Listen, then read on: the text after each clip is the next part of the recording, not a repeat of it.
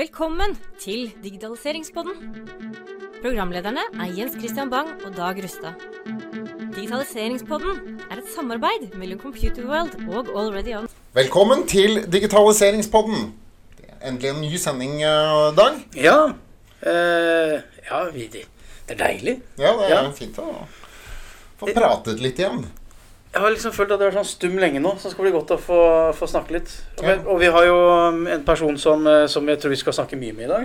Jeg tror det blir en, eh, en podkast hvor det blir mye, mye prat. Mye produkt Ja, tror jeg. spennende. Ja, og produktutvikling. Det blir gøy. ja. Men um, hva skjer i digitaliseringspodden for tiden, da, Jens Christian? Jo, vi jobber jo med, med konseptet vårt hele tiden. Ja. eh, Og har jo fått mye god tilbakemelding. Selv om det er ingen som kommer bort til meg og sier at Nei, du, den podkasten var dårlig, gitt. Du har ikke fått noen sånne spørsmål om autograf ennå heller? Nei, nei, vi er ikke der. Nei. Og så hadde vi jo en, eh, en podkast før jul da vi var med på en konferanse. Og der er det jo mye spennende folk som prater på konferansen og kommer på konferansen, så det, dem skal vi ha noen til av. Så vi skal rett og slett litt mer ut og være på konferanser. Turnere. Skal, skal vi på turné? Ja. Ja. ja. Da har jeg en rider som jeg Nei, men, men det blir kjempespennende. Det, da blir mer, vi blir litt mer synlige ute i, i eh, det digitale landskapet på konferanser og, ja. eh, og seminarer. Og vi er også litt sånn fritt vilt, så hvis noen ser oss der ute på, på konferansen, så må de bare komme bort og, og slå en prat. Ja, for vi er ikke farlige, vi. Nei.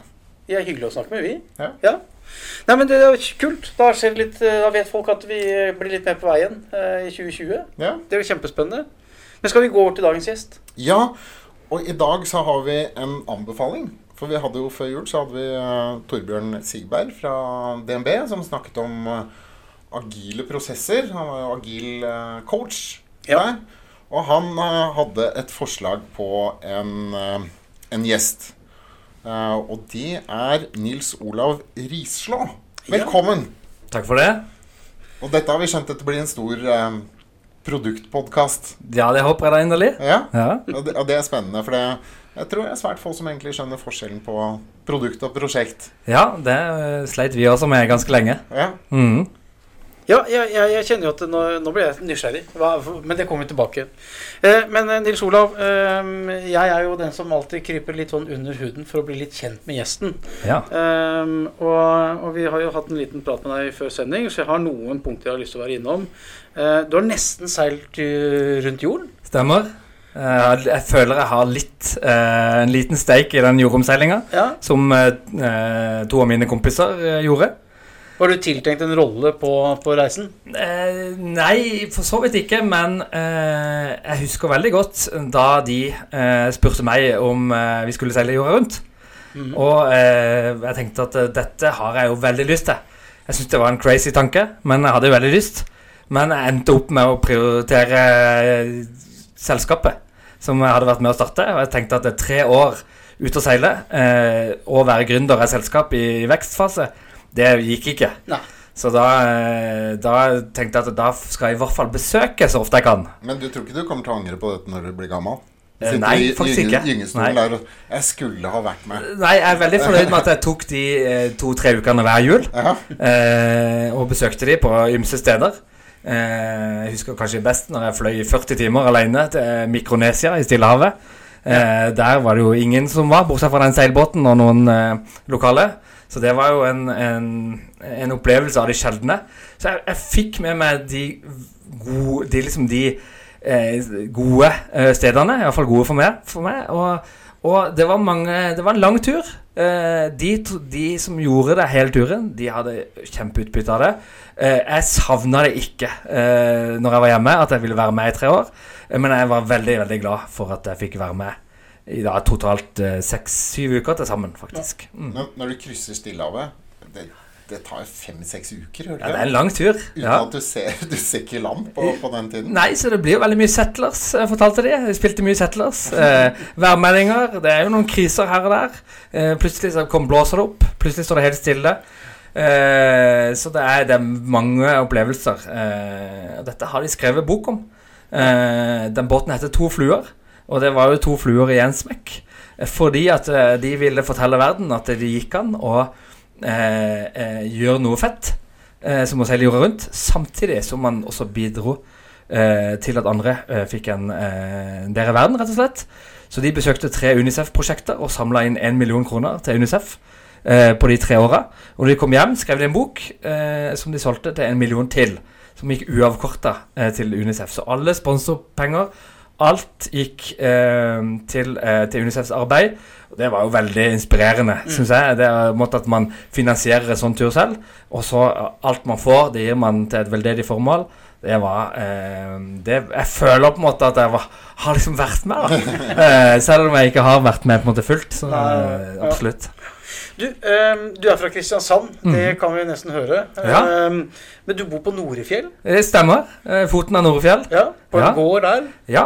Det er min kjære kone eh, som, har, eh, som er vokst opp på en gård og, og skal ta over den.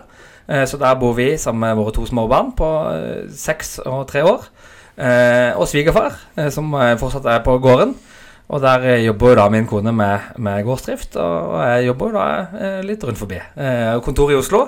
Men vi har jo også kontor i eh, Trondheim, og eh, litt sånn forskjellig. Så det blir en del reising. Halvannen time med kjøring hver vei. Ja. Det er tøft, da. Ja, men eh, det er For det første så er det jo viktig eh, at man faktisk tar inn over seg at man kjører bil halvannen time hver vei. Slik at man innser at man eh, må ha det komfortabelt. At det er en, faktisk en vesentlig del av, av livet. Mm. Så det eh, innså ikke jeg før jeg bytta bil. eh, så, eh, så det, er, det å ha en elbil som du må lade eh, mens du står i byen, det er et stressmoment. Mm. Eh, så rekkevidde, det er, det er avgjørende. Ja. Eh, skal, og det er jo ikke noe annet som gjelder en elbil når du skal pendle sånn, for det er jo driftsøkonomisk. Og, og så er det jo fortsatt en del fordeler med å kjøre kollektivfelt, eh, i hvert fall etter klokka ni, da, når man er alene, som, som, sparer litt tid og litt stress. Mm. Mm. Ja, Så rekkevidde Du kjørte tur-retur med elbilen din? Ja. Eh, så da har jeg kjører Det er jo da 20 mil. Ja. Eh, så eh, noen ganger så dagpendler jeg, og andre ganger så, så eh, tar jeg meg en eh, eh, treningsøkt i byen på kvelden, og så sover jeg, og så er det opp tidlig, prøver å være på jobben tidlig, og så drar jeg hjem igjen og henter i barnehage og på skole. Ja. Mm, så jeg bytter det litt sånn. Siste lille ting før vi går videre i, i litt sånn over til bakgrunnen av selskapet. Men, ja. men, eh, du driver med brasiliansk jiu-jitsu. Ja. Og det hadde du en grunn til. Stemmer. Eh, og, og for hvorfor du gjorde det. Kan ikke du få dele litt?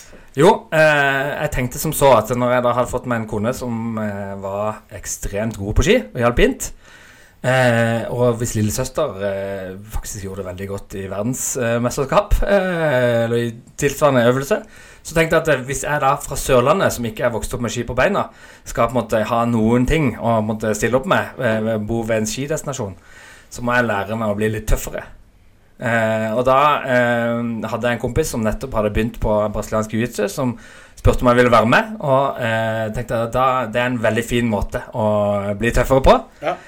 Og da valgte vi en fullkontakt eh, kampsport eh, som er med bryting. Og nå, da fem år etterpå, så så jeg elsker jeg det. det, ja, det jeg får... ja, må, ha noen spørsmål her til denne brutalitet. Er det lov å slå hverandre? Nei, det er ikke det. Men, Men gjør, det, de, gjør de ting som gjør vondt? Ja. Hva da? Hva Kveler hverandre. Ja. Mye kvelding. Eh, så det, så det er litt av, går det mye Ja, hals eh, er mye kvelding. Det blir fort svart hvis du får, får Ja, det tar ikke mange sekunder, det. Så, eh, så, det har skjedd, det. Eh, så man har jo Altså, jeg har knukket ribbeinet to ganger. Har du det? Ja, eh, Så det, det, man kjenner det absolutt. Mm. Men men det er jo veldig eh, allsidig trening. Det er, måte, det er, jo på en måte eh, intervalltrening. Men åssen blir du klemt mm. liksom så ribbeina går? Ja? Nei, det er jo hvis du har en som er 100 kg som lander oppå det. da ja. Eh, for at, eh, ja, for det ramler oppå. Ja, for det starter gjerne stående. Eh, og så, man, så, går man gjerne ned på bakken eh, for, for, bryting. Mm. Og da er det jo Skal man prøve å avansere sin egen posisjon. Eh, og da eh, er det jo en posisjon som heter neon belly, f.eks., hvor man skal ha kne på, eh, i solar plexus for å presse på. Ja. Og det kan man jo forestille seg ikke gjør så veldig godt. Eh, men vi, i begynnelsen så er ikke alle så rutinerte til å gjøre denne bevegelsen. Så det å smelle et kne opp en annens mage, det kan jo føre til at man bommer. Eh, og da treffer ribbeinet isteden. Ja, og da brekker det. Ja. Mm. Jeg, jeg kjenner Kan man bli Altså når du er litt sånn trener og går litt sånn kamp mot eh, kanskje kompisen din eh, Kan man bli litt sint på hverandre sånn underveis? Fordi at man eh, får litt vondt, og 'hvorfor gjorde du det?' og ja? Eller Nei, det, det gjør man ikke, rett og slett. For at det er så tungt, på en måte, og man innser at nei, det her er liksom tapet. Det, det er jo som å spille sjakk med kroppen som brikker, i prinsippet. For du har på en måte trekk og mottrekk. Eh, I begynnelsen så er det jo ikke sånn, da er det jo mye kaving, men etter hvert så blir det Så er det liksom at man må måtte finne riktig motangrep, da. Ja. Eh, og da, eh, da er det ikke like vondt lenger. Ja. Eh, Men det betyr ikke at du går ut Nei. av treningslokalet og er sur på kompisen Nei, din? det gjør ikke det. Nei, nei, men, Men det kan hende at, eh, at vi litt eh, av og til umotivert bare tar kveldtak på hverandre. Ja. Eh, det kan man. Ja. Du, ehm, eh, du er utdanna på NTNU. Stemmer. Ja, Utdanna sivilingeniør ved eh, Institutt for datateknikk. riktig. Og, og det var der ting skjedde, når vi nå penser over på gründerperioden. Det stemmer. Eh, jeg har jo måtte, vært litt sånn entreprenør-gründer eh, stort sett eh, gjennom hele livet. Eh, solgte sokker på videregående som du kunne brodere ditt eget navn på. Jeg tenkte at det var jo fantastisk eh, forretningsidé. Men da jo, slipper man jo på en måte å ha klistremerker. Da kan man jo bare ha navnet på de hvite sokkene. Hvite tennissokker med navnet sitt på, det ble jo ikke så populært som jeg hadde håpet. Eh, nei, så eh, det ble ikke noen sånn stor suksess, men det skulle ikke stå på vilja. Eh, når jeg studerte i Trondheim, så eh, underviste jeg på sånne privatskoler. Eh, som Merkantilt institutt, MI, eh, og Næringsakademiet og litt sånne ting. For i Excel og Word og, eh, og den type eh, programvare for studenter som gikk på eh, tok sånne, sånne type linjer. da Det var tidlig IT. ja, det var tidlig IT. Det var veldig godt betalt, eh, for du fikk betalt hver time. Jeg fikk jo eh, mye mer enn jeg har fått noen andre steder, så jeg kunne på en måte eh, da eh, jobbe fra to til fem, f.eks., en tretimersøkt, og, og ha eh, en, en veldig god lønn. Eh, det innebar at jeg måtte ha, være selvstendig næringsdrivende, så det var jo på en måte litt, eh, litt med det også. Men som student var det helt perfekt. Men så startet du et selskap. Ja, så eh, Og det det var er det selskapet som som jeg driver i dag. Ja, si navnet på det. Det, Det heter kon Kondor, Kondor. ja. Ja. med Q. ja. Så kondor.com. Eh, eh, og, og det heter ikke Kondor da. Da heter det Revio AS. Hva da? Revio. Revio? Mm, ja. Så eh, eh, vi starta et selskap som heter Revio. Eh, og eh, vi hadde Hvilket år var det? Det var, det var i 2005. Ok. Ja, Vi begynte å jobbe med det før det. Ja. Det begynner å bli noen år, da. Ja, mm. det, det gjør det, altså. Så, eh, så vi Det var kanskje, kanskje på en måte en, en klassisk sånn entreprenørtankegang. vi fikk jo et behov. Jeg fikk et behov av en av mine studenter, faktisk, eh, i, eh, som jeg underviste. Som var på frontpage-kurs for å lære seg å lage webbaserte påmeldingsskjema. Mm. For det hadde kundene bedt om. De ville ha påmelding på nett. Frontpage. Det var jo Frontpage, gamle. Microsoft Ja. eh, eh, HTML-editoren. Stemmer. Ja. Og da, eh, da, eh, da hadde jeg fått beskjed om at det var noe måtte, Da måtte man gå dit for å lære seg eh, HTML for å lage webbaserte påmeldingsskjema. Hvis man ikke har noe IT-utdanning, så er jo Det er ikke sikkert at man eh, på en måte får en måte, den opplevelsen man kanskje hadde forventa eh, med å gå lage påmeldingsskjema på frontpage-kurs. Og det skjedde jo her også. Det er jo altfor vanskelig. Eh, så i, i forhold til å, å lære det på en, noen timer frontpage. Så jeg tilbød meg da å gjøre det eh, som betalt arbeid. Programmere en sånn skjemaer. Og da, eh, da du husker at det var et av de første det var for Norwegians Busy E-kort, som er da forløperen til Norwegian Reward. Så da måte, påmelding til det, da. Så da begynte vi å lage et påmeldingsskjema. Og så lagde vi ett til. Og. Eh, og når jeg sier om vi, da, så var det jo meg. Eh, men jeg er så vant til å snakke om selskapet nå. Eh, men da, eh, etter hvert, så tenkte jeg at det her eh, det her vil vi ha et system for at du kan lage egne påmeldingsskjemaer. Men samtidig så traff jeg eh, eh, Så vis, viste det seg at hun i, hos studenten Hun hadde en eh, kjæreste som var kompis med en eh, annen eh, gründerspire som, som drev med eh, analyse og rådgivning i forhold til sikkerhet. Og de trengte noen til å lage et system for å, å kunne dokumentere at ansatte hadde fått opplæring i bl.a. at ikke det var lov til å stjele penger fra kassa i en uh, dagligvare, f.eks. Så, så var det på en måte mange år siden, men det var på en måte e-læring i forhold til og, og kvalitetssikring i forhold til dagligvare. Uh, for hvis ikke de kunne dokumentere det, at ikke de hadde fått, opple fått opplæring at det ikke var lov til å låne penger av kassa, så kunne man heller ikke ta dem på det. Så det, da var det et enkelt behov. Så vi møttes. Vi, jeg gjorde dette med påmeldingsskjemaet på si. Jeg eh, snakka med han Maud, som er, dag, som er min medgründer i selskapet. Og vi lagde dette eh, testsystemet. Og så begynte vi liksom å det var, det var først da vi forma selskapet. Merker er ikke det, det er ganske klassisk at man starter som konsulent, og så ender opp med et produkt. Ja. eh, Og vi, vi trodde jo at det var et produkt. Vi tenkte at det her er et produkt. Her kan vi selge til flere. Ja. Eh, og, eh, og innså at det var jo mye vanskeligere. For at det, det, de hadde jo forskjellige behov. Eh, Det, det var akkurat det samme. Og vi hadde, jo, vi hadde forstått hvordan en, eh, ett selskap fungerte. Men det var jo ikke nødvendigvis eh, direkte overførbart til neste kunde. Så det, eh, det var på en måte en, liksom en aha-opplevelse der og da, men det, det overså vi litt, da. Så der vi, vi tenkte jo vi har fått store kunder på, vi har fått noen store kunder, vi nå. Ja, så vi, vi fikk jo bl.a. Via Travel som kunde i hele Norden i 2007. Det var jo gode tider, men, men likevel så, så, um, Det var rett før finanskrisen. Ja. Ja. så Men likevel så måte, da, da vil de ha eksklusivitet på vår programvare. Ja. Ja, det går fint, tenkte vi. Ikke sant? Vi hadde jo ikke en produkttankegang i, hodet, vi. Vi tenkte, nå har vi fått, eh, nå har vi fått en kjempekunde. Eh, så de ville ha produktet i fem år alene. Eh, og det, eh, det, da lærte vi uh, at det burde man ikke gjøre hvis uh, man skal uh, levere et eh, produkt til flere. Og det hadde jo vært ulempe for dem også. Eller det er jo ulempe for dem òg, for det er jo ingen flere som driver produktutvikling. Ja. Nei, det er, det er helt eh, det, det, er derfor de fortsatt er kunde i dag på vårt produkt. For de innså jo også det. At, eh, at det ville eh, være mye gunstigere fordi at eh, vi utvikla produktet på manges behov, eh, enn at de drev alt alene.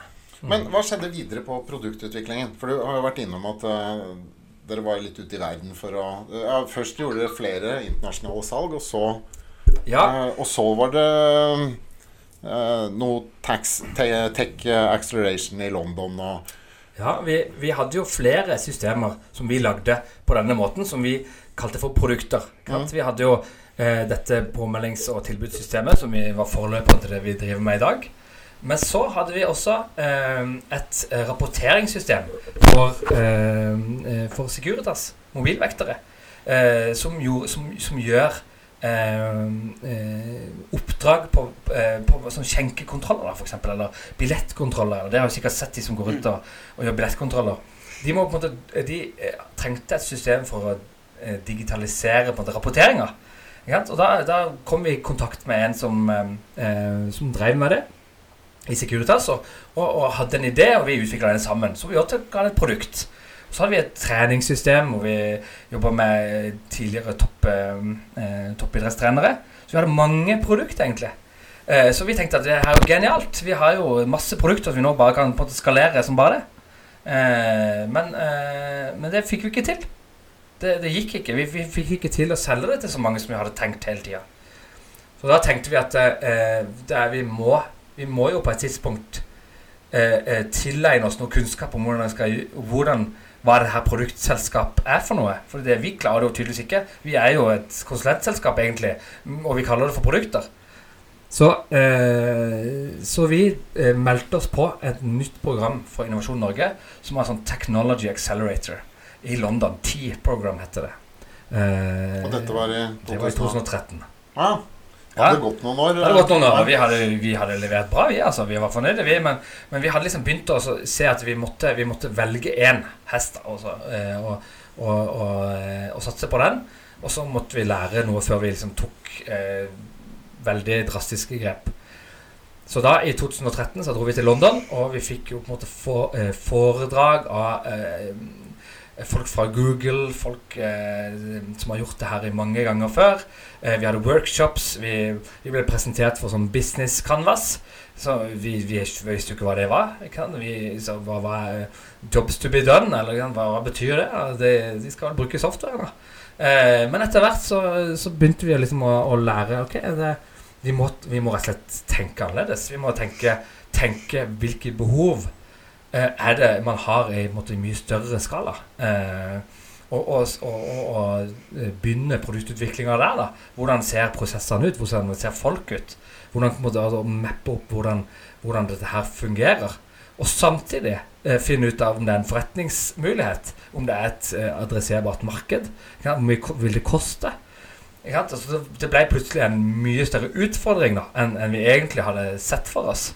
Eh, Men bare spør Det Mhm. produktet dere hadde da, var det sånn at dere at dere hadde en sånn kjerne som dere installerte for hver gang dere fikk en ny kunde? Eller var det Software as a Service alle var på samme plattform? det, det hadde vært fra tidenes morgen, faktisk. på Software as, software as a service. Ja.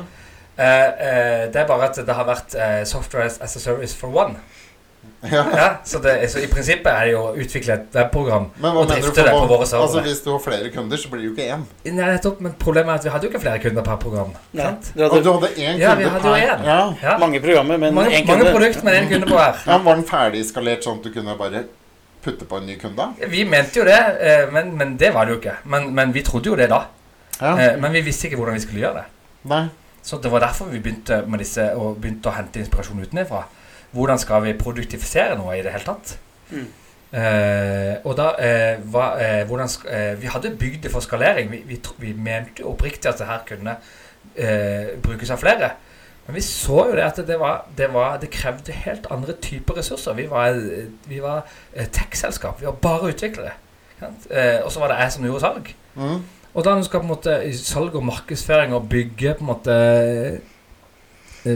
Bygge en, en tillit da, til merkevaren eh, og, og tillit til at vi kan løse problemer for flere, og sånn, så, er, så er det ikke ingeniører som er som, alene som er viktigst. Mm. Vi må ha folk som, som driver med customer success. Eh, som, som har ansvaret for at kunden har suksess med eh, le leveransen vår. Ja, så det, og det gjorde jo at det, den prosessen gjorde til at vi ansatte vår første Customer Success Manager. Så det, må- det må være en egen rolle i selskapet vårt hvis vi skal ha nubbsjanse til å, å fortsette. Og det er noen som jobber litt med support òg, da? eller? Ja, Ja. så det teamet driver med brukerstøtte. eh, hjelper, skriver på en måte hjelpesenter. Og, og onboarding, da, altså opplæring. Og det er jo helt annerledes nå enn det var. Men på en måte, ideen kom ut ifra at nei, vi må ha andre andre eh, arbeidsoppgaver i selskapet, rett og slett. Eh, så vi ansatte jo han Torbjørn, faktisk, som var her sist, Ja. eh, på, som CTO. Som skulle være teknologi. Vi var veldig teknologiorienterte, vet du, så han skulle være teknologidirektør. Eh, men så viste det seg jo da at han, han var jo veldig god på det å tenke prosessbasert. Og da var det en sommer før jeg gikk ut i ferie, hvor vi snakka sammen at vi trenger egentlig et et eh, prosess eh, Vi trenger egentlig en prosess. Eh, Metodikk. Metodikk. Ja. Hvordan skal vi jobbe for at vi skal klare å lage et produkt? Kan vi tenke, og da eh, brukte han noen måneder der for å, for å, for å lage mot, eh, første versjon av vår utviklingsmetodikk. Som gjorde at vi alle bare Aha, er det sånn? Ja, Det det var, var det iterasjoner, eller? Ja, det var kanban. Kanban. Eh, Ja. Altså begynne med Kanban. Eh, prioritere etter eh, disse her eh, hva, eh, Cost of delay, eller eh, hvordan på en måte skal du velge eh, oppgaver basert på hvor mye det koster å utsette de. Eh, og så var det liksom hvilke ledd i prosessen trenger man da. Og samtidig visualisere prosessen. Men cost of delay, er det for kundene eller for, For dere kunden. som Ja, utviklingsselskap? ja, det kan være begge deler, for sett, sånn, sånn sett. Eh, vi bruker ikke den like mye i dag som vi gjorde da. Eh, men men det, det satte oss inn på en måte å tenke på som vi aldri hadde tenkt. For vi hadde jo lagd produkt for en kunde. Så vi kunne jo bare spørre kunden hva de ville ha. Mm. Eh, og så lagde vi det. Og så visste vi jo at det var det kunden trengte. Mm. Så, eh, men når, når det er flere kunder som vil ha eh, motstridende funksjoner, Ja. hvordan skal man da eh, prioritere tida? Eh, det var jo eh, problemstillinger vi begynte å, å komme opp i eh, i den tida der, da. Når vi, når vi begynte å satse på det ene produktet. Mm. Og, Og, og vi var litt inne på dette, men da, da er vi over i den SAS-tankegangen, ikke sant? Ja. Um, og vi har vel for så vidt uh, vært så vidt innom det tidligere, men, men, men hva legger dere i SAS da, når dere var i den fasen der og skulle liksom uh, utvikle et produkt som skulle tas i bruk av kanskje hundrevis, tusenvis av, av kunder? ja, eh, eh, da, eh, da brukte vi det ordet fordi at det, det passa. Det passer. Eh, ja. Eh, det var svungord. Ja, ja. ja. Eh, vi skjønte ikke den, den på en måte eh, den meningen av hva det egentlig var, før mange år etterpå. Eh, nå har jeg på en måte en ganske klar oppfatning av hva jeg mener software as a service er. Mm. Og, og for min del så, så er det på en måte Det er arbeidsoppgaven eller tjenesten du hjelper til med. Eller det, du hjelper en kunde å få gjort, gjort noe eh, gjennom en software. Mm. Og, og det betyr at det, det er tilgangen på den tjenesten man da leier. Altså man, vi kjøper ikke noen lisenser oss eller noe sånt. Det, man, man leier måte, tilgang på den tjenesten, og den tjenesten den utvikler seg hele tida. Altså, så vi vi har jo continuous delivery. Vi leverer nye funksjoner hele tida.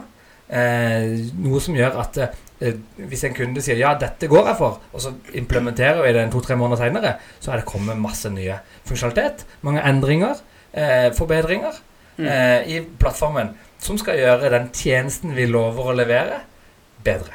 Ja, for det, den, den motsatsen blir jo skal vi si, gamle måten at du, du kjøper deg en server, og så kjøper du noe software, og så installerer du dette her. Ja. Eh, og da har du betalt både for serveren og for, for softwaren, eh, også, eller programvaren. Og så har du gjerne en vedlikeholdsavtale, sånn at du får oppdateringer fra, fra en leverandør. Med mindre du har utviklet alt sammen selv. Da må du videreutvikle og være ansvarlig for vedlikeholdet selv. Ja, det er Mens- jo alternativet. Ja, Og da har du jo ganske mye upfront-kostnader. Eh, og det har du jo ikke i samme grad eh, på en software as service. Nei, så Det er jo en, for, en, en fordel og en utfordring, i hvert fall for Mm. oss som leverandører. For at i, i den gamle metoden så hadde man gjerne sånn Capex-lisenser. ikke sant? Så kjøper man en svær lisens, masse masse penger, så den leverandøren får jo inn mye frisk kapital. Mm. Og så selger man jo vedlikehold av den. 20% av inngangssummen, typisk. Eh, eller selger oppgradering, eller selger hele tida. Så, Mm. så, så rent sånn budsjettmessig så kunne man på en måte avskrive kostninger. Nå har jeg kjøpt et IT-system, det er budsjett til. Det, er, eh, det, det har jeg liksom lov til å kjøpe, har ryggen fri og det er god stemning. Eh, eh, så går det tre år, og så vil man, vil man kanskje budsjettere med et nytt IT-system. Software as a Service snudde jo helt om på dette. For der har man jo på en måte eh, eh, kostnader som er kanskje per hode eller per transaksjon eller tilsvarende. Hvor da eh, den månedsprisen eller årsprisen er så lav i forhold at man som leverandør må ha mange kunder for på en måte, at det skal gå rundt. Eh, og som kjøper så man, står man helt annerledes i forhold til hvordan man eh, forvalter sånn type programvare, og hvor lett det er egentlig å bytte. Mm. Altså, du, så så eh, utelukkende bedre for kjøperen, etter mitt skjønn. Eh, og så vi som leverandører har jo eh, da en del utfordringer som vi, vi må løse. Større ansvar. på forutsigbarhet Mm. eh, på økonomiske ting, og ikke minst eh, ansvaret. Hva er det vi leverer? Og, og eh, beholde kunden da, eh, så lenge som mulig ved å levere en god tjeneste. Ja, for nå er plutselig den tekniske gjelden, eller eh, legacy som jeg også snakker, kaller det, nå er den plutselig lagt over på leverandøren, og ikke på kunden selv. Ja, Mm. absolutt. Og, og eh, det er et interessant eh, perspektiv. Fordi eh, eh, vi snakker mye om teknisk gjeld hos oss. Mm. Fordi at hver gang vi gjør en, en, en produktutvikling, så legger vi til vår egen teknisk gjeld. Det må vedlikeholdes på et tidspunkt. Det må på sikkerhetstestes, det må autotestes, det må dokumenteres, noen tar det i bruk. Endringskost hvis vi endrer på det seinere. Så på måte, eh, vi, hver gang vi sier ja til noe, så, eh, så, så kommer det et sånn teknisk gjeldtog kjørende.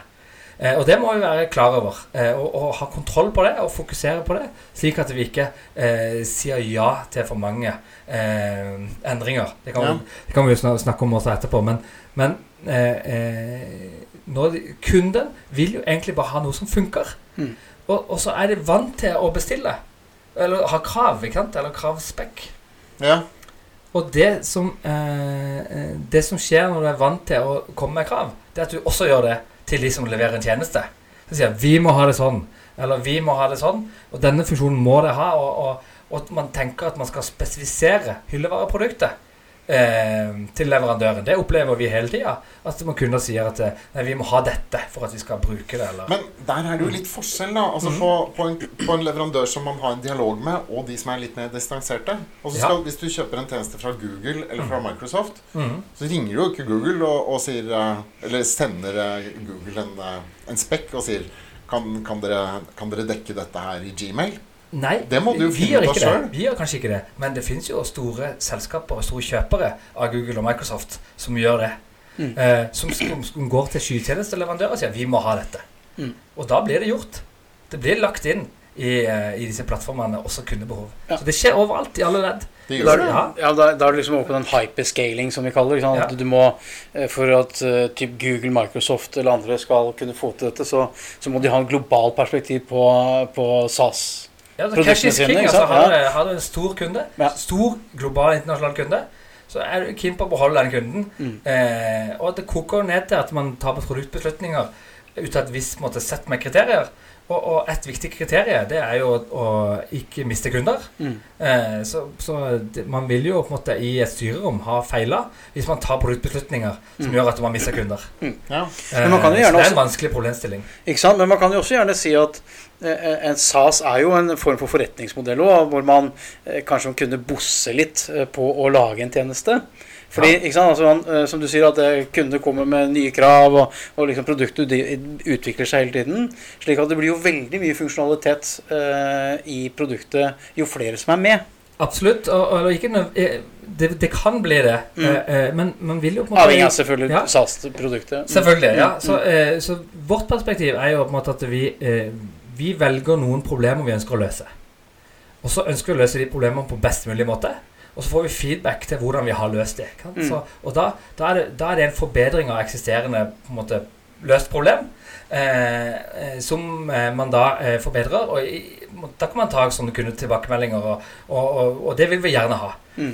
Men skal velge nye problemer å løse, altså nye funksjoner som gjør nye ting, eh, da må man være mye mer obs. Eh, Mm. For å se hvor, hva, hvordan på en måte eh, vil forve- kunne forvente at det her er en, en core feature. da Er det noe som de bare skal ha? Mm. Eller er det noe som differensierer oss fra andre i samme space? Mm. Eh, eller vil det være noe som er add-on? Eh, som, folk er, eh, som er noen vil ha, og de er villige til å betale for. Ja, men da kan du ha sånn premium features som ligger ved For siden eksempel, av. ja. Men det aktive forholdet til hvor denne featuren nå tenker på, Mm. hvor er den? Er, hvor er den i denne matrisa? Det er kjempeviktig. Mm. Eh, for hvis ikke, så, så risikerer man å på en måte få sånn eh, bare lasse med features da, Mm. som kanskje ikke hjelper noen. For, for hvis, hvis du legger til én feature for hver nye kunde du får, så når kunde nummer 1000, så har du 1000 features. Mm. Og da skal du lære denne her opp i disse 1000.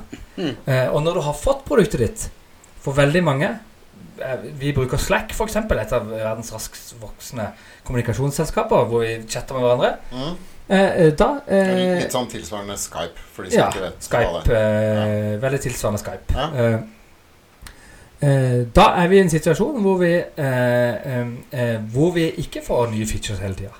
Vi bruker det hele tida likevel. Ja, for det, det var det jeg tenkte jeg skulle for, for Dag, du sa jo det at da, desto flere kunder, desto mer feature dukker opp. Men så ser du sånn som på, på Slack eller Se på Dropbox er jo også typisk software as a service. Mm. Har du sett Altså, vi, vi bruker jo så um, Dropbox. Jeg har ikke sett noen ny funksjonalitet der de siste fem årene. Det, skjer, det skjer jo ikke noe. Men det, det kan Nei, gå eller, eller kanskje det gjør det, Nei, men ikke men, det. jeg, jeg tror, det er mye som skjer der som ikke vi oppdager som en vanlig bruker. Men så tror jeg også at uh, en som jeg var inne på, det, er litt avhengig av hva slags applikasjon vi snakker om. om det, altså, hvis du f.eks. snakker om et CRM-system, da, som typisk Dynamics eksempel, som har et veldig stort skall, Mm. ikke sant? som man kan gjøre mye innenfor. Mm. Det er på bakgrunn av at det har vært veldig mange, sikkert flere titalls tusen kunder, som har vært med på å bygge opp eh, det skallet etter hvert. Det, var, det skallet var ikke så stort eh, på kunde nummer én. Den har blitt større og større etter hvert som de har utviklet det. Det er jeg helt enig i. Det, det er jo en plattform hvor, hvor produktet i seg selv er eh, eh, å kunne bygge andre produkter oppå. Ja, Eh, så da er det på en måte det problemet de har valgt å løse. Og hvis du da har et nisjeprodukt eh, som er en SAS-løsning, så er det litt annerledes. Det er litt andre eh, kopier som slår inn da, ikke sant? i forhold til akkurat det vi snakker om. Men når du, snakker, når du snakker om Dynamics CRM eller Salesforce for den saks skyld, Mm. så er de såpass store at de også greier å skape et økosystem rundt sitt eget produkt. Mm. Ikke sant? At du får mange andre partnere som bygger tilleggsprodukter til deres produkt, eller de bygger tilleggsprodukter selv som finnes i skyen, og så kan de kobles sammen Mm. i bakkant. Men da må du liksom da, da begynner det å bli litt størrelse på, på Ja. selskapet før de har råd til å lage det økosystemet. Og da er vi jo også inne på det at eh, som kunde så må du ha litt kunnskap. Eh, For hvis du skal sette sammen Og det er vel uansett da i skyen også, at hvis du skal sette sammen forskjellige komponenter fra forskjellige leverandører, så må du ha den peilingen til å kunne gjøre det. Eh, For det er klart at det kommer jo med For da begynner vi å snakke om at det kan fort bli litt legacy i skyen også. Definitivt. Det er kjempeviktig det du peker på der. ja. Og det opplever vi eh, i de, kunde, de kundene som er i vår kundegruppe, altså type reisebyråer, hoteller og, og renteselskaper og den type ting. De har kanskje ikke eh, denne funksjonen internt, hvor du har på en en, en som er ganske god på teknologi, og som har lyst til å prøve ut ting, eller kanskje ikke har mandat til det. Eh, kan på en måte eksperimentere med integrasjonsplattformer og ha den tekniske innsikten til å koble to eh, plattformer sammen med Zapier, eller eh, bruke sånn type off the shelf-programvare. Mm. For integrasjon? For integrasjoner. Ja, Zapier er, er, er ikke sikkert jeg alle har hørt om det. Kan du bare Nei, si det, det er jo en sånn tredjeparts eh, eh, integrasjonsplattform, som Mm. er også en software as a service. på en måte Man abonnerer på en tjeneste, så, så eh, kan man ta ett program, Mm. eh, også, som har en del eksponerte eh, en måte utløsere og handlinger. Eh, og så kan man koble det sammen med et annet program som har som har utløsere og handlinger. For eksempel, eh, eh, si at du har en eh, påmelding på en konferanse som det gjelder telefonnummeret sitt. Så har man en utløser som sier nå har det kommet en ny påmelding, som kan gå inn til Zapier. Og så eh, eh, kan det være f.eks. en eh, SMS- eller e-postleverandør som, som tar imot den meldinga og sender ut en SMS-melding, da, f.eks. Mm. Men det er Har dere bygget uh, Vi har noen ting på Sapien. Ja. Mm. Eh, for altså det, eh, det er noe som det går veldig mye fortere å utvikle. Eh, og så slipper vi å tenke på hvordan eh, andre systemers API-er forandrer seg. For da har man måtte, Da kjøper man Du den tjenesten. en- Ja. ja. Det blir som en datahub, ja, det blir som en datahub. bare at du Eh, lager ikke noe i Saper, For det nei. går vel bare rett videre. Ja, og så kan man også uh, fordele risikoen litt. Sånn at man kan på en måte uh, Hvis det er noen ting som det her tredjeparten krever av det mottakende systemet, av tilganger eller abonnement, så kan man på en måte også forklare at det her er begrensninger. Mens skal du integrere med et API direkte selv, så jo måte, kan man jo i prinsippet bruke hele API-et. Mm. Og da er det vanskelig å si nei, det vil vi ikke, fordi eh, det har en teknisk gjeldrisiko for oss når kunden på en måte bestiller det og det er tilgjengelig. Så, eh, så det, er, det er en god ting med å bruke sånne eh, tredjeparts eh, integrasjonsplattformer. da. Mm. Mm. Men det er begrensninger. Sånn, du, Ja. får, du får ikke Det er noen Altså, begrensninger. Det, du, ja. du har jo sikkert uh, titusener med applikasjoner som er koblet til uh, Zapier. Type Trello eller Nettopp, Gmail Ja. Osv. Men Ja. det er ikke alt du greier å, å, å den største utfordringa eh, som vi ser i forhold til vår kundebase, og den, den kjøperen, da, Ja. det er at du skal Først skal du forstå hvordan prosessen du gjør, kan effektiviseres. Så det må du forstå først. Og, så, eh, og da må du gjerne ha hatt et mandat til å finne ut av det, eller få ekstern hjelp. Eller, eh, så da må du ha en tanke om det. Og så, da, først da kan du gå ut og lete etter verktøy som passer sammen.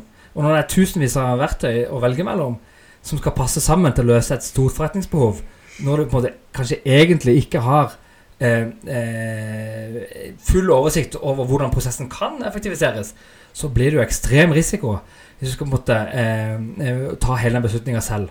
Mm. Og, og, og er man eh, komfortabel med det og gjør en god prosess rundt det, så er det kjempebra, for all del. Eh, men det er mange som ikke, som ikke vil ta den. De bare, da snur de heller i døra og sier at dette er for stor risiko. Det, da, da er too busy to improve, rett og slett. For Mm. at jeg må ha andre kopier å levere på eh, til, min, til min organisasjon. da. Mm. Og da er det altså, vanskelig. Du mener hvis en bedrift ønsker å, starte, altså, å effektivisere mer Mm. Si de har ti stykker som jobber på økonomi på en omsetning på ti millioner. Da er Ja. det jo mye folk. Og så ønsker de å redusere det. En type å, så må de starte den prosessen for å finne ut hvor de skal fjerne, hvor de skal, skal vi si, fjerne Altså, enten, manuelle oppgaver. Eller? det må, det må initiere, initieres av noen. Mm. så, så enten så er det ledelsen som sier her må vi kutte kostnader, Ja. eh, og så gir prosjektet til noen. Men det kommer til å Eh. koste å kutte kostnader også. Nettopp. Så hvis, hvis man på en måte eh, får et mandat eh, til, å, eh, til å effektivisere en prosess, så kan man jo ikke samtidig eh, bli krevd av å levere samme kvartalstall, f.eks. Ja, så det, det vil være, da vil jo man få en motstand for den prosessen. Så, så det, å være, det å være klar over at en effektiviseringsprosess den vil ha eh, en, en eh, det vil redusere måte, inntekter, eller øke kostnader kanskje, i den transformasjonsfasen. Det må man være helt klar over. Det vil garantert skje. Eh, det kan man eh, unngått litt hvis man kjøper en software as a service. For der, eh, der eh, er det gjerne en modell eller en prosess her, eh, som er allerede klarlagt, som er bygd av eh, bygd på erfaring, og som løser problemet på en gitt måte. Eh, I hvert fall for et nisjesystem som oss. da. Da men da må man også endre prosessen sin til noe man måte, kanskje ikke har initiert selv. Og det er også forbundet med risiko. Sant? Tør vi det? Vi har jo noe som funker. Ok, Vi kan jo effektivisere, men det fungerer. Tør man å ta den sjansen på å effektivisere? Er vi på en måte gode nok? Er, har vi kontroll eh, på kostnader? Eh, og der eh, der er det viktig for i hvert fall oss, eh, med mitt perspektiv der da, som software service-leverandør, her må vi sikre at kunden får suksess. Her må vi sørge for at de opplever Mm. eh, den tjenesten. Ehm, når vi er inne på dette med, med, med risiko for kunden, så tenker jeg at um, Ref um, Gartner hadde en sånt ehm, samling nå rett før jul nede i Barcelona. Og en av de trendene som man så, som han også for så vidt eh, oppfordret IT-sjefer til, det var jo å sette mer krav til leverandørene om risikodeling på resultatoppnåelse av Mm. prosjektene. Mm. For det er vi litt egentlig litt innpå her nå. ikke sant? Altså, eh, og Hva tenker du om det? i forhold til å, eh, Du som leverandør, er du villig til å ta litt mer risiko på at vi har faktisk fått suksess i prosjektet? Absolutt. Eh, jeg tenker at det er en kjempeviktig del som vi som software as service-leverandører kan bidra med. Mm. Og det er, det er jo vanskelig å måle. Eh, hvordan man skal måle suksessen. Mm. Vi har en kunde nå som, måtte, som opplever at de har suksess med softwaren vår, men resultatene har ikke blitt som de ønska pga. helt andre faktorer. Ja. Har vi det på en måte da eh, Hvor er vi da? Eh, men eh, jeg tenker som så at i en prosess hvor man stiller, har en kravspesifikasjon til en leverandør som skal utføre et arbeid, så blir det ofte veldig løsningskrav og tekniske krav, Mm. hvor all risikoen er på kjøperen. Ja, og som gjerne er knytta til funksjonalitet. Nettopp. Og da tror de at de trenger funksjoner, og uten, eh, uten å være trent eller ha øvelse i å tenke konsekvenser. Mm. Ja, så jeg har eh, utallige eh, historier fra folk jeg kjenner, som har på en måte fått implementert eh, eh, eller utvikla systemer hvor de har bedt om en funksjon. De får funksjonen, men alle på en måte funksjoner som naturlig hører til en sånn funksjon, de er ikke med. Mm. Hvorfor ikke? Nei, det var, de hadde jo ikke bedt om det. Mm. Ja, men det er jo helt åpenbart at hvis du lagrer en ordre, eh, så vil du på en måte kanskje printe den ut. Eh, hvis du skal bruke den i et lager, eller, fall, eller på en iPad. Eller hvis du, hvis du måtte lage en faktura, så er det åpenbart at du har lyst til å eh, få penger eh, eh, når noen betaler den. For en økonomiarbeider så er det helt er det helt vanlig å matche innbetalt beløp mot en faktura. Mm. Men for, hvis man hadde fått lagd denne funksjonen eh, bestilt av et konsulentselskap, så er det ikke sikkert at de hadde sett det, perspektivet. Ja, for de har jo ikke estimert opp. Nettopp. Så, Ja, de har fått for- en løsning som de skal eh, eh, spesifisere teamet skal vi gjøre det gratis, da? Var det du tenkte? Nei. Og da, er- blir kjipt, for da, da plutselig så er eh, den store risikoen på bestilleren, og den har du ikke sett komme. Ikke sant? Så, så plutselig så er de ansvarlig for på en kostnadsoverskridelse som de på måte aldri var, kanskje var forberedt på engang. Mm. Eh, og, og eh, jeg sier jo ikke at det er sånn overalt, men mange har det sånn. Mange har det sånn når de skal velge et datasystem, at de, de, det er en, over- man sier det er en kostnadsoverskridelse veldig ofte. Og, og det skjer når man, um, når man skal bestille noe og ikke er godt nok trent i det. Eller vet godt nok hva man skal ha. Men nå tenkte du på custom-made eh, software. For eksempel, ja. Ja, for det, Mhm. det er jo større sjanse for at da alle disse åpenbare funksjonene er på plass i en eh, SAS-løsning. Definitivt. For der er det jo flere som har brukt systemet tidligere og, og har stilt, stilt krav. Selv om man hører jo det ganske ofte. Dette burde jo være her. Det er jo åpenbart. Det, det vil jo de fleste kunder si, selv om det allerede har sånn, vært mange som har ikke har stilt det kravet. da. Og tilbake til det vi snakka om eh, med, i forhold til risikodeling der. Så, så, da, så vi har jo eh, Våre kunder har jo svart på en spørreundersøkelse Altså de, har, de sparer 40% av den totale tida. De brukerne av systemet. Det er helt insane. Ja. Da, da, da, er, da er jeg trygg på at det vi gjør, er bra. Mm. Da kan jeg ta den risikoen. Si at det her er en verdi jeg eh, selger med min tjeneste. Det er suksessen. Mm. Eh, og den må man jo være med og dele risikoen på, mener jeg. Da. Så, Og- Men da er vi kanskje også litt inne på det med at um, Ja, dere har bevist at dere kan eh, spare 40% tid. Mm. Uh, og så kommer jeg som ny kunde og sier men jeg kan ikke jobbe sånn. Sant? Og, da har du det der møtet mellom ok, eh, tilpasning av, av produkt, eller eh, jeg som kunde må tilpasse mine prosesser og, og kanskje organisasjonen min etter produktet. Og det er jo der risiko eh, ligger, da. Det er jo der man eh, eh, havner litt utenfor komfortsona. Fordi Mm. at eh, veldig mange ønsker å digitalisere den måten de allerede jobber på. Det er trygt og godt, de kjenner det funker. Jeg er ikke noe glad i endringer. Sånn er vi mennesker. ikke i endringer. Så jeg vil bare litt, ha det litt bedre. Mm. Eh, eh, det vi selger, er jo på en måte en ny måte å tenke på. Som, som eh, drastisk? Eh, endrer dette her. Men det kommer også med en mental utfordring for kunden. De må endre prosess, kanskje. Det, kommer, det jo, våre kunder jobber jo forskjellig, men, men eh, det kommer til et punkt hvor de må, må gjøre en stor endring i en, eh, i en bransje som er veldig hektisk. Mm. Så når skal man få tid til å gjøre det? da? Sant? Kan man bare rive av plasteret? Og bare hoppe i det?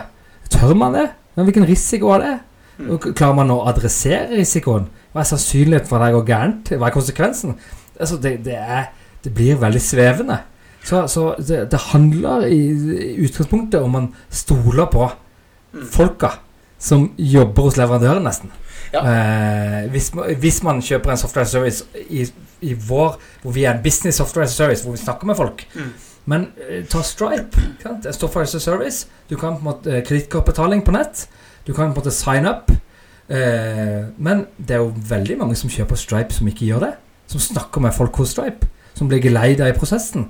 Som Mm. blir onboarda som kunder. Og, og, og det er, det er eh, mange som har behov for det. Mm. Og, og kjenner at de er trygge på Mm. det, den beslutninga de tar. Og da, du, du sa noe nettopp eh, som jeg ønsker å uh, utfordre deg på. Um, kundene dine må stole på deg, sa du. Ja. Og da er vi litt sånn um, I og med at vi nå Altså vi er jo inne i en veldig stor eh, transformasjon. ikke sant? Hele Mange bransjer som eh, snus på hodet og i det hele tatt. Um, hvor mye vil du si at folk kjøper at det folk kjøper, er eh, teknologi, eh, og hvor mye er tillit? Eh, Ja, det er et godt spørsmål. Eh, uh, det er Skal du ha mye prosentfordeling, eller? Nei, men jeg tenker altså uh, Fordi det, det, du Jeg kan godt selge, jeg kan godt selge Sand i Sahara, på en måte. Eh, jo, da, jo da, det er, en god, er en god selger, så får du til det. Men, eller ikke jeg, da, men- men er du, er du altså, ikke sant, Du har altså, som Condor, da, så dere har et bra system, men dere har jo ikke morgendagen her i dag. nei. Så, så, har så dere er jo også på en digitaliseringsreise i Condor som, dere skal, som kundene dere skal dra nytte av. Ja, og det, det er et kjempeviktig poeng at de, eh, vi ber om at våre kunder stoler på oss. Eh, fordi at vi er, vi er eh, forplikta for, overfor våre kunder til å videreutvikle oss så godt vi kan i forhold til den bransjen vi leverer i. Mm. Og Det er den tjenesten man abonnerer på. Det er ikke på en måte programvaren i seg selv. Eh, så, så, så jeg tenker at det, det er det man kjøper av oss, og så er det programvaren i dag, så er det denne programvaren vi har, Mm. som løser det problemet etter vår beste evne, sånn som vi tenker. Ja. Men jeg, jeg forstår også at det på en måte kan høres litt sånn flosklete ut. Altså En må stole på en selger når det er software as a service-systemet. Mm. Så, så det er på en måte en utfordring. Og derfor så tenker jeg at da må man også være villig til å redusere risikoen til kunden.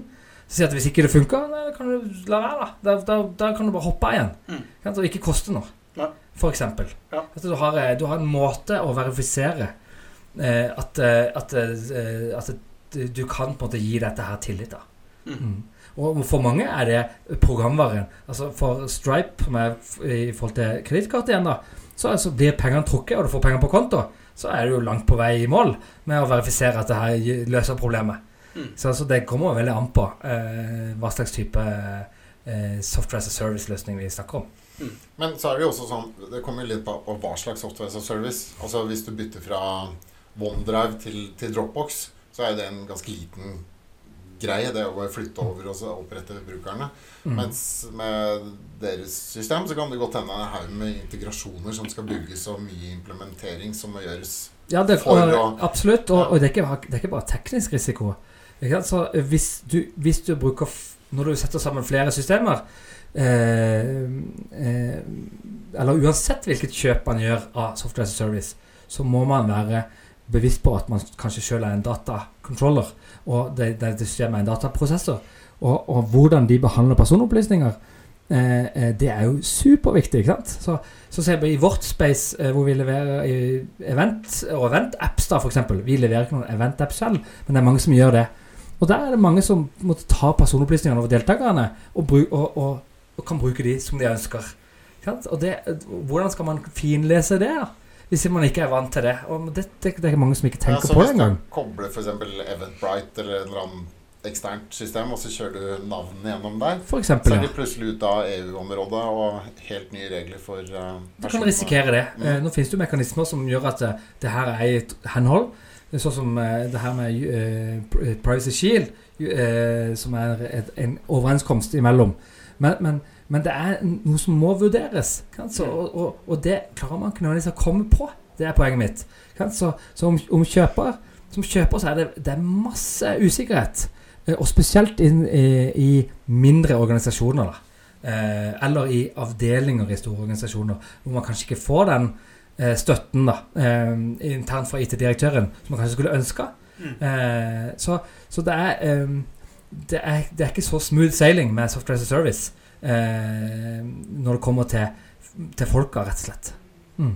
Og det, det er en annet poeng jeg har lyst til å melde der òg, hvis jeg får lov. Ja. Eh, så er det jo slik at eh, mange eh, tenker at det er softwaren de kjøper, og så når de har fått softwaren, så er de ferdig. Da kan de bare lære seg den, og lære seg den selv. Og, og, og, og alle, sånn som i hvert fall vår erfaring, så er det man, man prøver å finne eh, en løsning på problemet sitt selv, veldig ofte. Og, og eh, da, hvis man da bommer, eller tar en shortcut, som man glemmer litt, så så kan man risikere å ikke bruke eh, plattformens funksjoner, For man har på en måte klart å løse problemet litt. Og så gjør man sånne eh, kanskje sånne ad hoc-varianter og, og, og ikke får verdien ut av plattformen fordi at man ikke tok seg tid da, til å kanskje ta et web webinar på en time eller to hvor noen kunne forklare hvordan denne programvaren egentlig fungerte, og hva målet var. Eller se en video da på nettet. For at man har, man, Når man har gjort kjøpet, så vil, da bare setter man rett i gang og trykker. Det er masse eksempler på eh, at, det- at det skjer både med vår egen programvare og med andre. Det mangler litt grundighet fra noen på, Ja. på hvordan man implementerer det. Man tenker at man når man har kjøpt systemet, da er man i mål. Det er bare å nå kan jeg begynne å bruke det. Ja. Ja, men det, det er ikke alltid sånn. Nei. Det er jo som å kjøpe Word og tenke at du blir, da blir du kjempegod til å designe invitasjoner. Du gjør ikke det. Du må jo lære deg hvordan du sender invitasjoner òg. Ja, du, har fått, du har fått grunnlag til å kunne gjøre det, men Ja. du må gjøre det også. Nettopp, det er akkurat det. Ja, ja. Bjørn Eidsvåg hadde en sånn sang som han eh, Ja.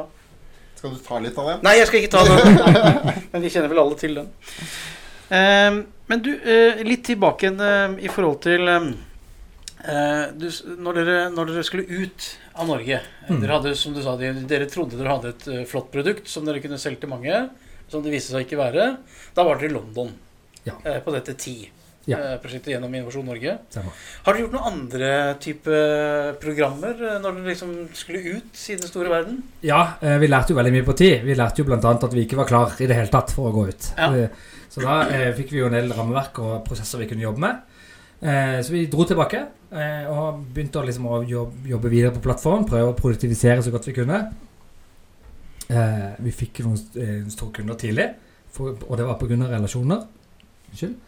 Eh, men vi, vi, vi, vi tenkte Hvem er de beste til å skalere? Er liksom hva, hvordan er det de, de virkelig store gjør det? Jo, De, de var jo plassert eh, ett sted, i Silicon Valley. Eh, og da husker jeg at eh, min kjære kone sa til meg at eh, du ser dette programmet her, da. Det, det er en sånn technology incubator eh, som er på Nordic Innovation House i, i Palo Alto i Silicon Valley. Det må du dra på. Eh, jeg, ja, men nei, det, det, funker ikke. Vi har, det her var i 2015, og vi hadde jo da Hun var jo da eh, gravid. Eh, og vi hadde en på to år. Og skulle jeg reise en måned til Silicon Valley. Men nei, det her må du bare gjøre. Eh, det her er greia. Mm. Så jeg, vi søkte. Vi var gjennom flere intervjurunder. Og, og ble tatt inn i det programmet. da Så vi dro til, til Silicon Valley og var der i en måned. Og det, det var helt fantastisk. Det var eh, 50-50 mellom egen på en måte, eh, oppgaver vi skulle gjøre, og, og, og inspirasjon og foredrag. og og eh, alt fra juss til produktivisering til opplæring til, til PR og, og eksperter i alle felt. Og vi var på kundebesøk og, Og de som Det, jobber det, der var, det var et kurs ja, Det var et sånn inkubatorprogram, rett og slett. Ja. Eh, Kanskje egentlig mynta på at man skulle på en måte lansere i USA. Ja. Eh, eh, men, men det var nok mange som ikke var klare for det. Mm. Eh, inkludert oss. Kan jo engelsk. Vi kan jo engelsk, ja. Men eh, og amerikansk eh, copyright law og tax law, det var noe vi ikke kunne. Men eh, eh, det teamet som var der da, med, med Åse Petterson Bailey og, og Gro Dyrnes, og de som var der sammen det var bare helt rått. Så der lærte vi masse, og de, um, eh, det, det vil jeg si var langt på vei det som satte oss på rett kurs, da. I forhold til å Men det høres ut som du drar på deg mye kostnader også. Når du, altså når du lærer nytt, og så ser du alt du mangler. Ja. Og så, ja. så må du gjøre enda mer investeringer. Eh, Man kan godt kalle det investeringer, men det er jo prosessendringer. Så som gründer så må man gjøre dette. Mm. Eh, det, du, du kan liksom ikke bare kjøpe det. Så, eh, så, det, så det, jeg ser ikke på det som en kostnad. Eh, jeg ser jo på det som en nødvendig på en måte, steg på veien til å lære seg å kunne bygge et selskap, rett og slett. Et produktselskap. Så, så den investeringa er jo læring til oss gründere. Til å lære metoder for hvordan vi skal bruke pengene Og våre bedre. Og bedre. gjør at du blir mer effektiv. Så det er Mye mer effektiv, gjør de rette tinga. Ja. Eh, vi måtte lage prosesser for hvordan vi skal jobbe. Og vi finner ut at vi må faktisk ha mer penger. Ja. Så da, eh, Det fant vi også ut. Så da eh, eh, gikk vi først til Family and Friends. Mm. Eh, noen sier også Fools, eh, men eh, vi valgte å holde på Family and Friends. Fikk en liten investering der fra noen i familien for å liksom, å måtte gjøre at vi kunne satse mer på dette. Eh, og så eh, eh, var vi ute og snakka med en investor, industriell investor som måte jobber i, i vårt space. Er Per Bråten, som, som da driver et flyselskap i Sverige, blant annet. Og har et investeringsfond. Gamle Bråten Safe, eller? Ja. Ja. Eh, eh, snakka vi med hans selskap, og, og, eh, og, og de var interessert i å investere i både i penger og kompetanse for at vi skulle måtte hadde troa på, på ideene. Og det var veldig viktig for oss, selvfølgelig, for da er det jo noen aktører i bransjen eh, som kjenner bransjen godt, som tror på det vi driver med, så mye at de vil investere.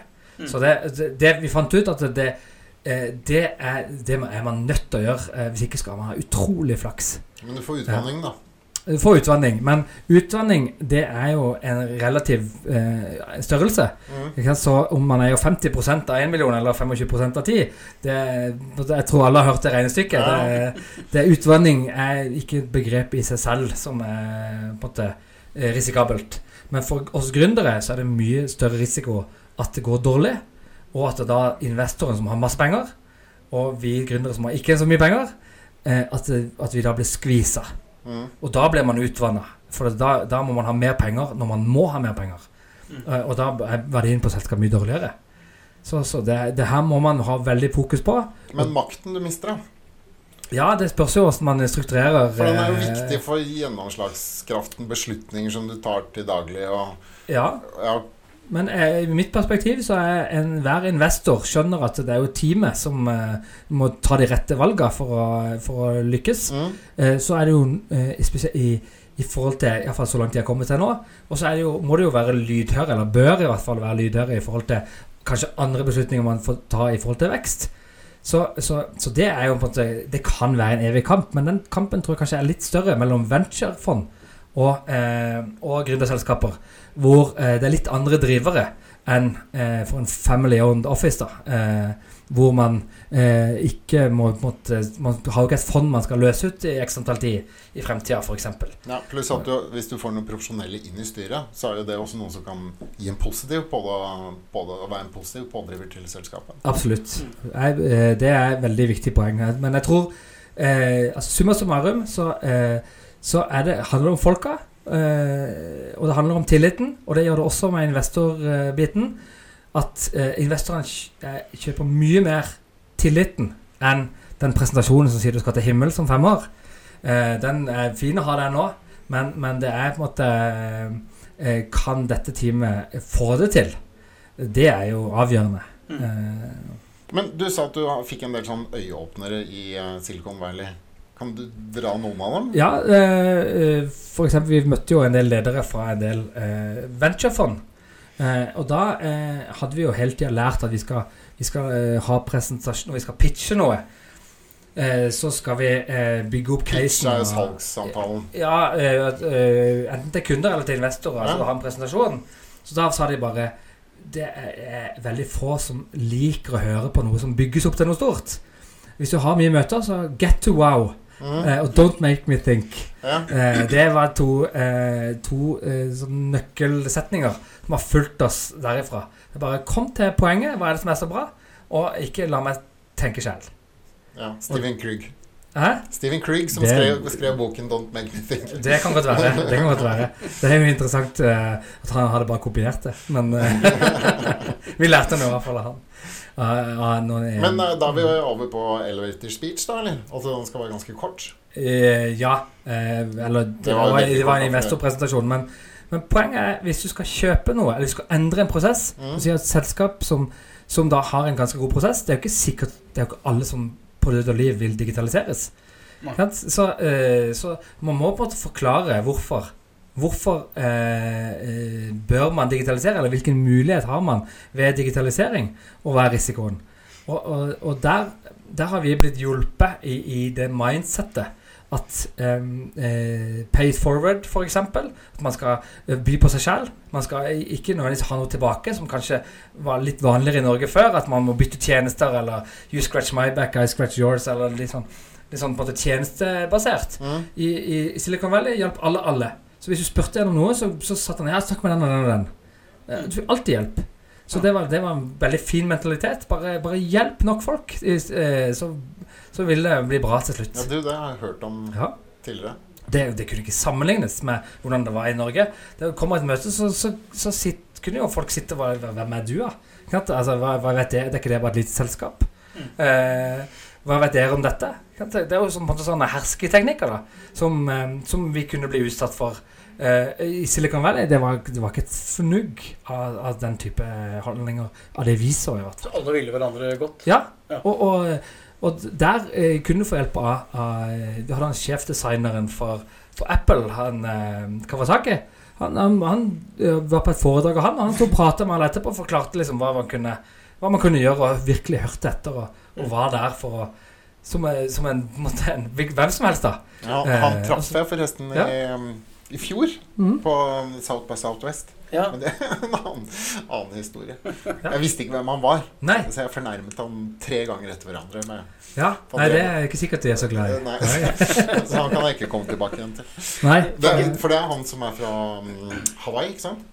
Jo, det tror jeg. Han driver med en sånn bilde, han har drevet med en sånn bildeprogram. Eh, Canva. Eh, som eh, burde kunne Og så har han skrevet 15 bøker. Ja da, så Ja. er jo på en måte vant til å stå på scenen. Ja. Eh, men det var jo eh, Det var interessant at alle ga vekk sin private e-postadresse når de holdt foredrag der borte. Ja. Alle sto og prata etterpå. Det var på en måte ikke Nå skal de ut, for nå var de ferdig med sin halvtime og skulle på neste møte. Mm. Det var mye mer ro rundt, rundt det, rett og slett. Og så er det mange feilslåtte ideer, selvsagt. Det, var, det, er jo, det er jo en mekka for gründere. Så de, altså de holder ut. De blir pitcha hele tida. Det var også imponerende, da. Mm. Eh, mm. Spennende. Du, jeg ser vi går mot slutten, eh, Jens Christian. ja. Eh, og da Da pleier vi vi vi har et vanlig spørsmål vi pleier å stille gjesten vår. ja. Vil du stille det i dag? ja, det kan jeg høre. Du kan få lov. Ja. Ja. Um, for du har jo hørt på Digitaliseringspodden, og um, jeg håper du fortsetter å høre på Digitaliseringspodden. Hvem kunne du tenkt deg som uh, gjest i Digitaliseringspodden? Ja, det, det har jeg tenkt litt på. Ja? Eh, og det eh, Jeg kunne tenke meg å høre en som heter Dag Olav eh, Norem. Han er eh, daglig leder for et selskap som heter Folio. Som eh, skal digitalisere liksom, bank og regnskap og, for små bedrifter. Det kan han fortelle mer om enn meg. Mm.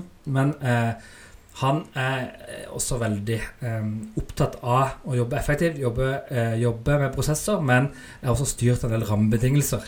Eh, som Ja. jeg tror kan være interessant for, eh, for tilhørerne å høre. Hva, måtte, hva som egentlig påvirker eh, en sånn type digitaliseringsprosess i, innenfor bank og finans. Da.